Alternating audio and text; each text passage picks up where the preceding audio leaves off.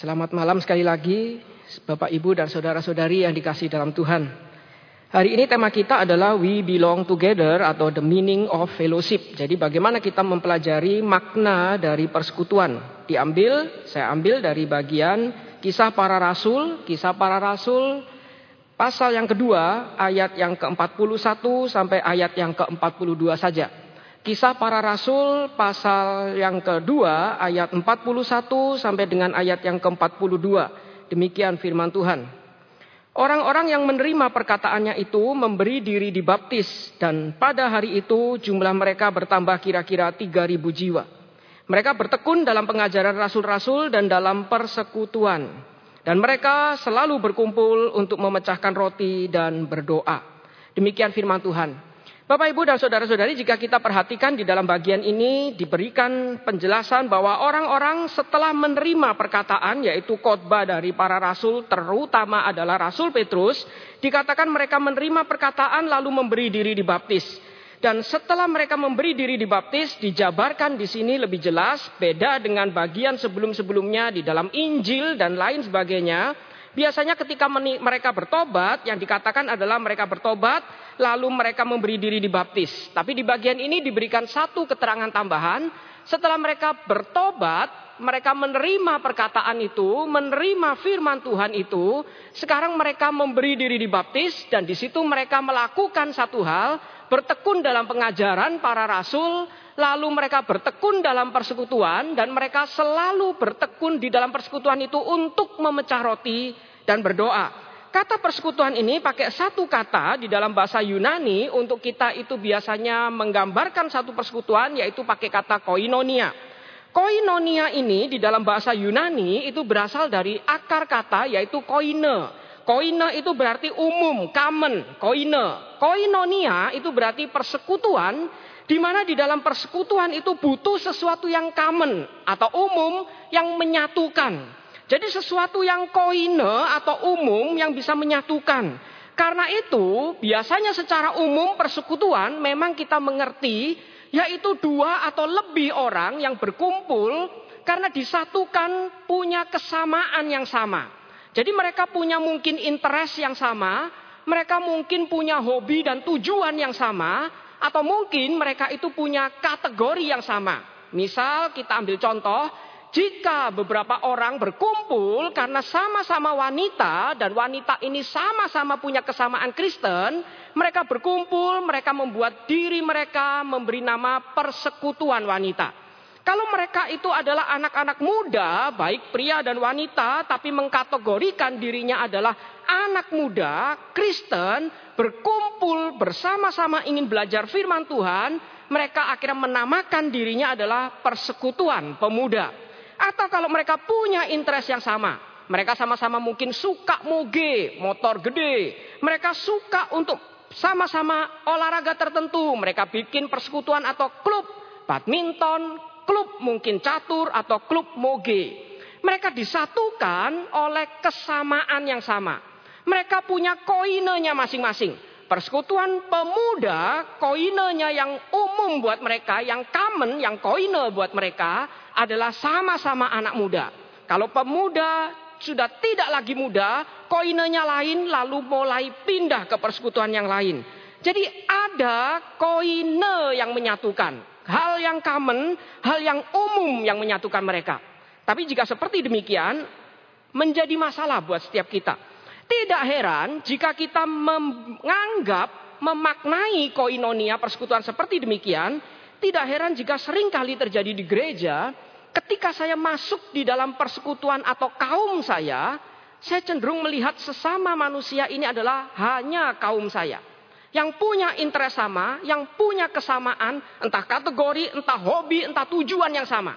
Tapi saya kurang bisa melihat sebagai sesama saya jika mereka memiliki kategori yang beda atau mungkin punya hobi yang beda, interest yang beda. Kita merasa ngomong gak nyambung, kita merasa itu bukan kaum saya. Karena itu biasanya di gereja kita cenderung mungkin lebih memperjuangkan kaum saya acara di persekutuan saya daripada kita melihat secara keseluruhan sebagai satu tubuh Kristus yaitu gereja. Karena kita menganggap kita perlu koine yang sama, kita perlu hal umum yang sama, dan itulah kaum saya. Saya sulit melihat orang yang berbeda dengan saya sebagai kaum saya. Ini menjadi masalah. Jika demikian, lalu apa yang harusnya menyatukan kita? Kata koinonia ini memang berarti sering kali diterjemahkan dalam Alkitab itu persekutuan atau biasanya diterjemahkan fellowship atau itu memang have something in common. Kita punya sesuatu yang common. Tapi apa yang menyatukan kita? Yang common itu apa? Kalau kategori, ketika saya nanti beda kategori, saya sulit sekali untuk masuk melihat ini sesama saya. Saya sulit sekali untuk bersekutu. Saya sulit sekali untuk diterima atau menerima. Di dalam Alkitab yang menyatukan kita seharusnya apa? Saya akan bacakan, kita ambil contoh misal di dalam Efesus pasal yang kedua ayat 13 dikatakan. Tetapi sekarang di dalam Kristus Yesus, kamu yang dahulu jauh sudah menjadi dekat oleh darah Kristus. Jadi Alkitab menegaskan bagi kita, memang kita perlu koine yang menyatukan. Koinonia perlu hal yang common yang menyatukan. Tapi hal yang common itu bukan sekedar hal yang fisik, tapi hal yang common itu harusnya yang kita lihat yang menyatukan adalah salib Kristus yang sudah menjadikan kita yang dahulu jauh sekarang menjadi dekat. Ada salib Kristus yang menyatukan kita.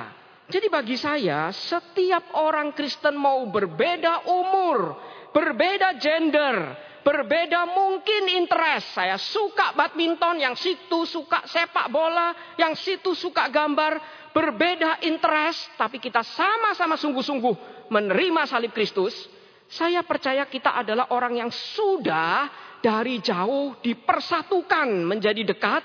Kita sama-sama disatukan oleh hal yang tidak bisa digeser oleh interest apa pun atau kategori apa pun, yaitu salib Kristus, darah Kristus, salib Kristus. Di dalam poin pertama ini, saya ingin kita sama-sama renungkan Bukankah gereja itu menjadi sangat indah ketika setiap orang itu memenangkan Kristus lebih daripada program, lebih daripada komisi, lebih daripada cuman like and dislike, cocok nggak cocok. Setiap hal kita boleh mungkin tidak cocok sama orang, nggak setuju sama program, tapi kita lihat darah Kristus, salib Kristus yang sudah menyatukan kita itu lebih utama. Itu yang menyatukan yang tidak bisa digeser oleh batas apa pun juga. Yang menyatukan kita, koine kita adalah salib Kristus. Karena itu dikatakan di dalam kisah para rasul. Orang-orang yang menerima perkataannya itu memberi diri dibaptis. Mereka diubahkan oleh Tuhan. Mereka menerima firman Tuhan dan menjadi manusia yang baru, dibaptis, baptizo, diubah menjadi sesuatu yang baru. Dan di situlah mereka bertekun dalam pengajaran rasul-rasul dan dalam persekutuan. Yang menyatukan mereka di dalam persekutuan adalah ajaran tentang salib Kristus itu. Masihkah kita itu disatukan oleh ajaran yang sama? Masihkah kita itu disatukan oleh darah Kristus yang sama? Salib Kristus yang sama? Ini bagian pertama. Fondasi di dalam persekutuan, koine kita yang membangun koinonia kita adalah darah Kristus. Persekutuan Kristen sejati harusnya dibangun di dalam dasar salib Kristus. Bukan interest, bukan kategorial, tapi di dalam salib Kristus. Ekspresinya nanti mau punya persekutuan model ini, model itu, tapi apakah betul di dalam hal yang sama, pengajaran yang sama, darah Kristus yang sama? Ini bagian pertama. Lalu kalau kita lihat yang kedua, di dalam PB terutama berkali-kali kata koinonia ini bukan sekedar diartikan sebagai persekutuan. Tapi koinonia ini juga di dalam PB berkali-kali diartikan itu di dalam karti yang lebih dalam lagi yaitu partnership. Bukan cuma fellowship tapi partnership. Berarti mirip seperti dua orang itu menjadi rekanan bisnis. Berarti kedua orang ini bukan cuma saya diam, kamu yang kerja. Yang namanya partnership adalah mereka bekerja sama. Sama-sama berpartisipasi, sama-sama punya kontribusi, sama-sama saling berbagi untuk melengkapi agar bisnis ini menjadi satu bisnis yang berjalan dengan baik. Partnership. Jadi koinonia itu berkali-kali diterjemahkan bukan sekedar persekutuan, yaitu kita kumpul-kumpul, kongko-kongko, makan bersama. Tapi di dalam arti juga partnership di mana kita lihat misal di dalam Roma 15 ayat 26 dikatakan sebagai berikut. Sebab Makedonia dan Akaya telah mengambil keputusan untuk menyumbangkan sesuatu kepada orang-orang miskin di antara orang-orang kudus di Yerusalem. Kata menyumbangkan itu koinonia. Jadi mereka itu mengambil keputusan untuk menyumbangkan sesuatu. Koinonia. Jadi koinonia bukan cuma kumpul-kumpul, bersekutu, disatukan oleh koine yang sama. Tapi juga bisa berarti menyumbangkan sesuatu. Bersumbangsih. Juga di dalam 2 Korintus 8 ayat 4 dikatakan. Dengan kerelaan sendiri mereka meminta dan mendesak kepada kami. Supaya mereka juga beroleh kasih karunia untuk mengambil bagian. Berpartisipasi dalam pelayanan kepada orang-orang kudus. Mengambil bagian pakai kata koinonia. Berkontribusi mengambil bagian dalam pelayanan kepada orang-orang kudus. Lalu di dalam 2 Korintus 9 ayat 13 dikatakan seperti berikut.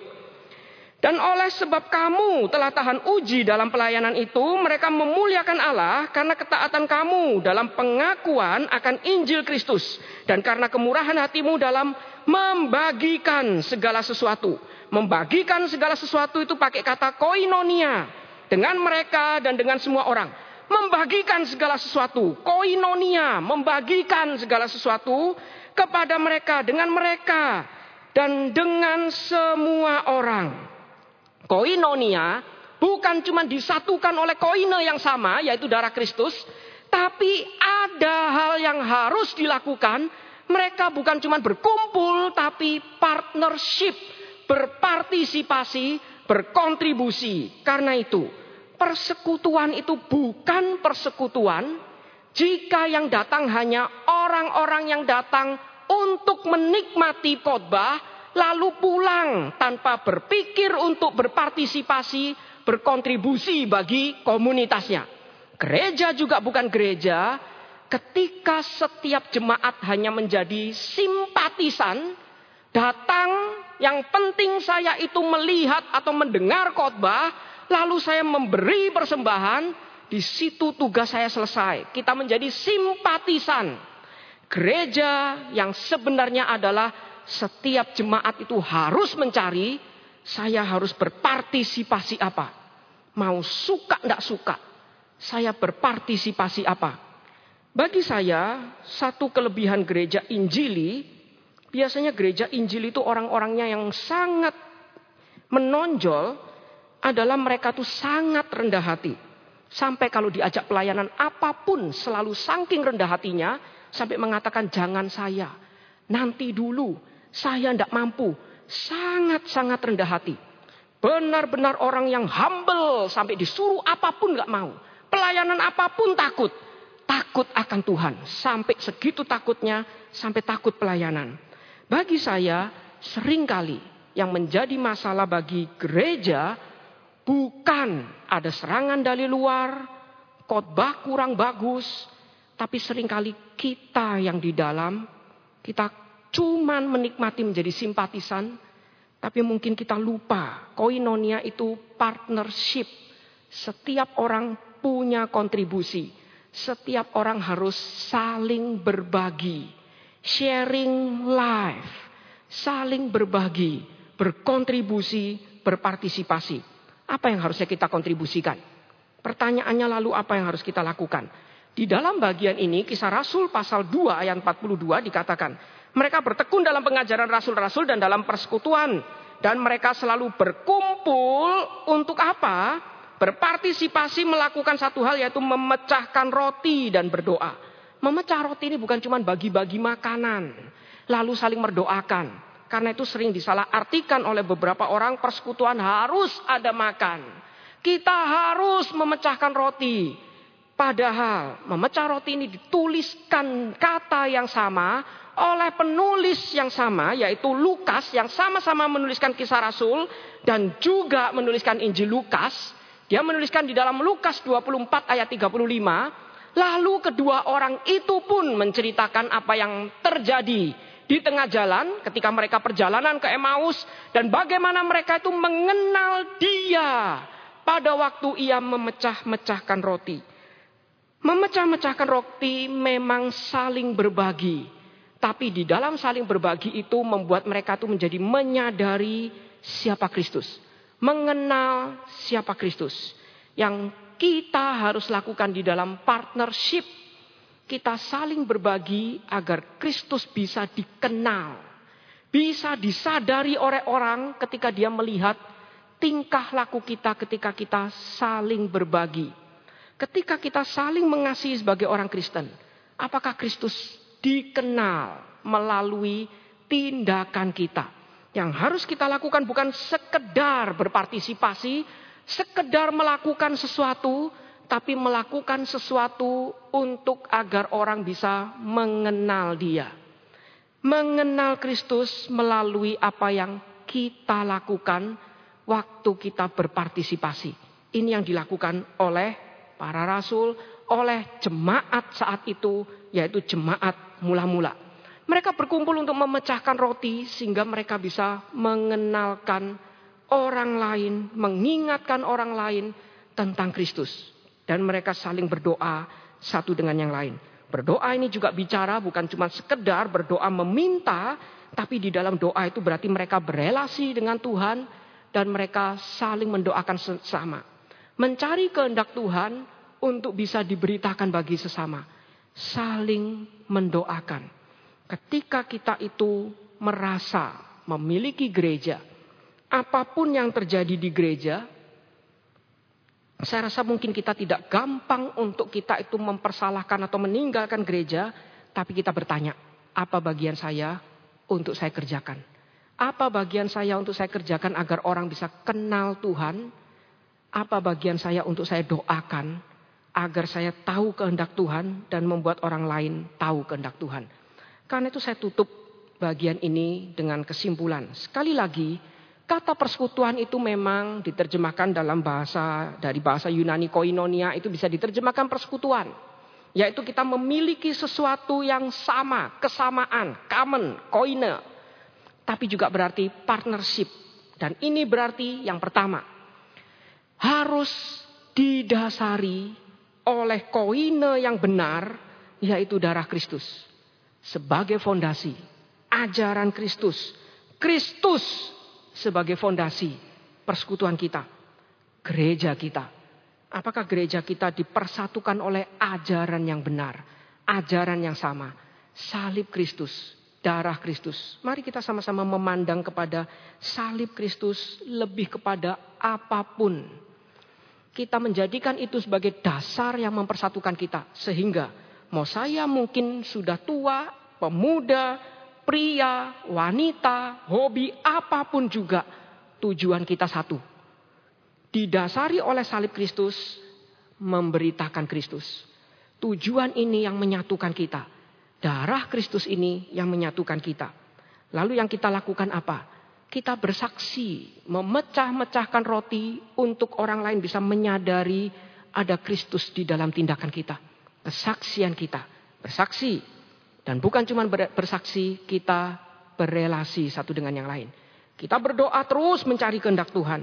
Kenapa Tuhan izinkan ini semua terjadi? Dan kita saling mendoakan sesama. Belajar untuk mendoakan. Tidak mudah, saya dulu bekerja di dunia sekular, saya punya bos yang sulit sekali didoakan. Saya sulit sekali bahkan kalau doa mungkin lebih mudah doa memaki dia daripada mengampuni dia. Tapi di dalam doa itu saya bertanya pada Tuhan, Tuhan mau apa? Kasih bos luar biasa seperti ini. Tuhan mau apa? Kasih kondisi luar biasa ini. Bukankah harusnya di dalam doa kita berelasi mencari kehendak Tuhan dan kita mencoba mendoakan sesakit hati apa pun doakan. Doakan ada darah Kristus yang sudah diberikan kepada kita yang sangat menyebalkan.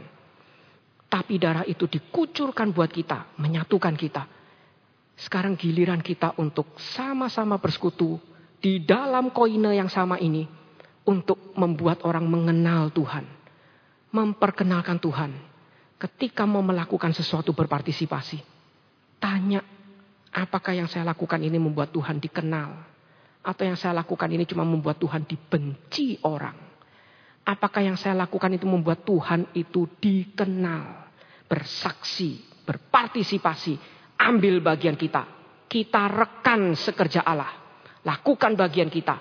Bisnis yang sama, mengenalkan Tuhan, perkenalkan Tuhan, bersaksi bagi Dia.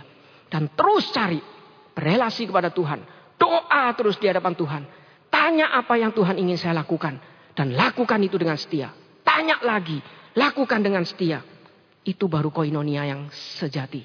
Yang dipersatukan di dalam Tuhan yang bertumbuh terus memberitakan Tuhan, mencari kehendak Tuhan. Fellowship, partnership. Mari kita tundukkan kepala, kita berdoa di hadapan Tuhan. Dalam surga kami sekali lagi mengucap syukur di hadapanmu dan kami berdoa. Biar akhirnya engkau sendiri yang boleh memberkati setiap kami. Sehingga ketika kami ingin menggumulkan sebentar lagi gereja kami berulang tahun ke-40 apa yang kami ingin lakukan, berkontribusi apa. Apakah kami hanya sibuk untuk melihat gereja kami ini sudah menghibur kami apa? Dan ketika kami menjumpai tidak sesuai, persekutuan kurang hangat, kami kurang disambut, ada banyak hal yang rumit di dalamnya, lalu kami menjadikan itu sebagai alasan untuk kami mencari gereja lain. Dan ketika kami menjumpai gereja lain, bukankah setiap gereja juga sama? Karena setiap gereja juga adalah tubuh Kristus di mana setiap orang di dalamnya adalah orang berdosa. Yang harusnya orang berdosa itu bertanya di dalam hatinya. Kontribusi apa yang harusnya kami lakukan? Meskipun ini penuh dengan kekurangan. Tapi kami ada di dalamnya. Meskipun ini penuh dengan kekurangan. Apa bagian kami sebagai rekan kerja Tuhan untuk kami lakukan. Sehingga nanti di ulang tahun ke-40 kami bisa mempersembahkan satu tubuh Kristus yang sungguh-sungguh berisi jemaat yang berpartisipasi satu dengan yang lain. Dan di dalam partisipasi itu Tuhan boleh dikenal. Di dalam setiap tindakan yang dilakukan Tuhan boleh dikenal. Dan Tuhan itu boleh dinikmati. Dan kami juga boleh terus mencari hadirat Tuhan. Berdoa. Dan harusnya itu yang kami lakukan. Karena itu Bapak persiapkan hati setiap kami sehingga beberapa minggu ini kami boleh sekali lagi bertobat di hadapan Tuhan. Dan kembali lagi untuk bertanya bagian kami di hadapan Tuhan. Apa yang harus kami lakukan untuk kami bisa berpartisipasi. Darah Tuhan sudah mempersatukan kami. Itulah koine yang sama. Tugas kami apa? Partnership yang Tuhan sudah berikan bagi kami apa? Dan kami ingin melakukannya dengan setia di hadapan Tuhan. Ketika sulit, kami ingin berdoa agar Tuhan boleh terus memimpin, agar kami boleh berkontribusi yang baik membangun gereja ini, sehingga gereja ini boleh kembali dilihat bersinar dan memperkenalkan Tuhan. Ini doa dan permohonan kami.